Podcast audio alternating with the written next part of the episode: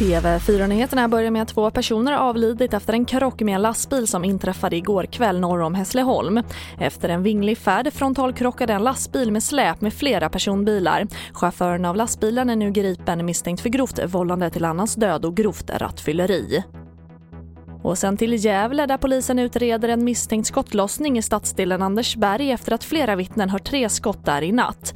Det finns inga uppgifter om skadade eller misstänkta gärningspersoner och polisen har inlett en förundersökning om misstänkt grovt vapenbrott. Och igår avled ju fotbollsstjärnan Diego Maradona. Han föll ihop i sitt hem och hans liv gick inte att rädda. Han obducerades under onsdagskvällen och enligt första rapporten dog han av hjärtsvikt och lungödem. Regeringen i Argentina har utlyst tre dagars landssorg. Maradona blev 60 år.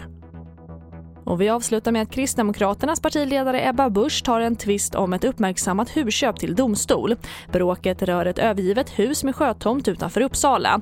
Ebba Busch anser att hon köpt huset och hon har ett signerat köpekontrakt. Men ägaren, en 81-årig man, uppger att han ångrat sig och känt sig pressad att sälja.